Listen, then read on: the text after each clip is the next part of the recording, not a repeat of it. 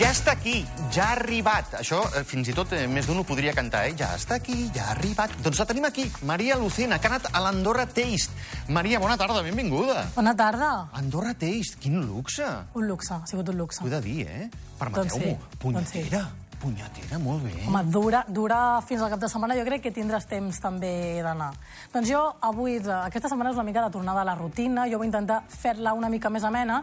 I si et sembla, doncs fem una agenda amb alguns dels esdeveniments culturals que es poden fer aquí al país. Perfecte. Per exemple, demà, aquí a Andorra la Vella, doncs es fa la tercera edició del Festival de Fado. Es- És perfecte per tota aquella gent amant de la música i també doncs, pels amants de la cultura portuguesa, perquè aquest és l'objectiu també, donar a conèixer aquesta cultura. És per la tarda hi haurà moltes activitats, no només música, també projeccions i masterclass.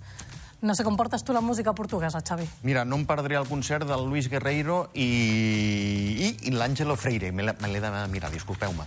Mm, bons. Jo crec- M'he anat introduint mica en mica, eh? també ho confesso. Eh? A poc a poc, clar, poc a com poc, tot. poc a poc.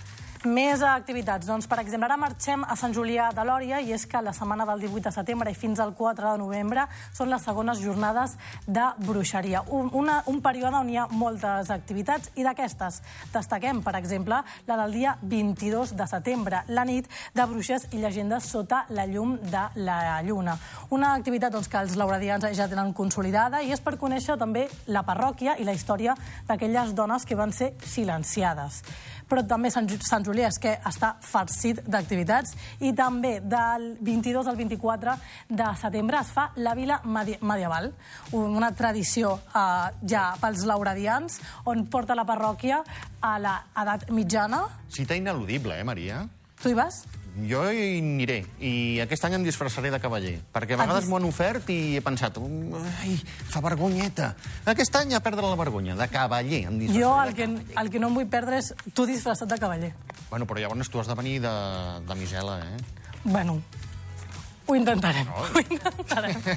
Però hi ha, més, hi, ha, i encara hi ha més coses. Per exemple, ara marxem a la Massana i és que el Mercat de la Pitabola del Coma Pedrosa doncs, celebra també la seva tercera edició i aquesta és especial perquè celebra el 20è aniversari del Parc del Coma Pedrosa. S'amplien els paradistes, també els oficis i com, com sempre doncs, es fa Arinsal i també és l'últim cap de setmana de setembre, del 29 a l'1 d'octubre i també per, per gaudir-hi. Jo hi aniré, a mi m'agrada. I una de les coses que marca també l'èxit són aquest, aquests 33 paradistes eh, que m'apuntaves just abans d'entrar en directe, Maria, dels Exacte. sis oficis que, que s'ofereixen, Dos de nous, també. Jo crec que és una cita que també la gent no es pot perdre. sens dubte. I ja per acabar, el que deies Va, abans, l'Andorra sí. Taste. Jo he de confessar que he anat aquest matí perquè jo no m'ho podia perdre. Hem, hem anat a treure el pauet.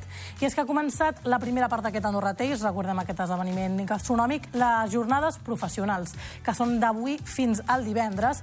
Una vintena de, de xefs de renom internacional i també d'aquí doncs, fan ponències i parlen sobre la cuina d'alta muntanya. I a partir de divendres, de divendres fins diumenge, es fa l'Andorra popular. El carrer del, de B2 ja estava començant a muntar-se de paradetes, que jo crec que és el que tu i a mi ens agrada, el de poder, el de poder Exacte, la menjar, el de poder Ens degustar. agrada la teca. I també t'he de dir, que no t'ho he dit fins ara, que jo he parlat avui amb dos xefs, Xavi, que t'agradaran molt, el José Antonio Guillermo, Sí. propietari i sommelier de l'Odetti Bistró, Sí. i també Paco Méndez, Ah, xef carai. del toc d'Anyós i també estrella Michelin amb el I has Basso anat a picar alt, eh? Home, aquí si no és pical, no es fa molt bé, res. molt bé, molt bé. He fet un reportatge, si vols el veiem. Em semblaria fantàstic. Tinc ganes. Friso per veure'l. Vinga, som-hi. El Prat del Roure és un dels escenaris de la segona edició de l'Andorra Taste. Acull les jornades professionals que comencen avui i fins divendres hi haurà ponències i taules rodones de més d'una vintena de xefs de renom internacional i també d'aquí del país. Parlaran sobre la cuina d'alta muntanya, ja que recordem que l'objectiu d'aquest esdeveniment gastronòmic és posar en valor la cuina dels Pirineus. I per això també és important parlar de la base de l'aliment, del producte. Què necessitem per escollir un bon producte? En què ens hem de basar? Amb què l'acompanyem? Totes aquestes preguntes tenen resposta i avui hem vingut per aprendre una mica més.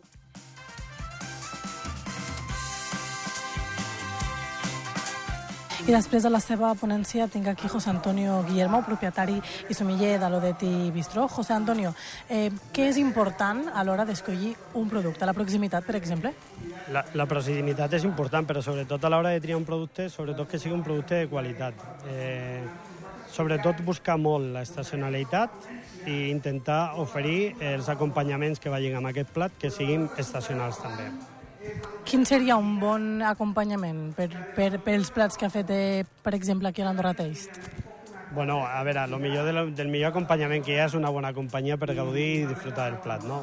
Però sempre, sempre intentar buscar aquest tipus de productes que realment siguem propers o que intentem tenir més, més quilòmetre zero, no perquè siguin quilòmetre zero han de ser millors, o intentar buscar sempre un producte, encara que sigui forani, però que lligui bé o que tingui un concepte bastant de maridatge amb aquest plat, o que aporti alguna cosa.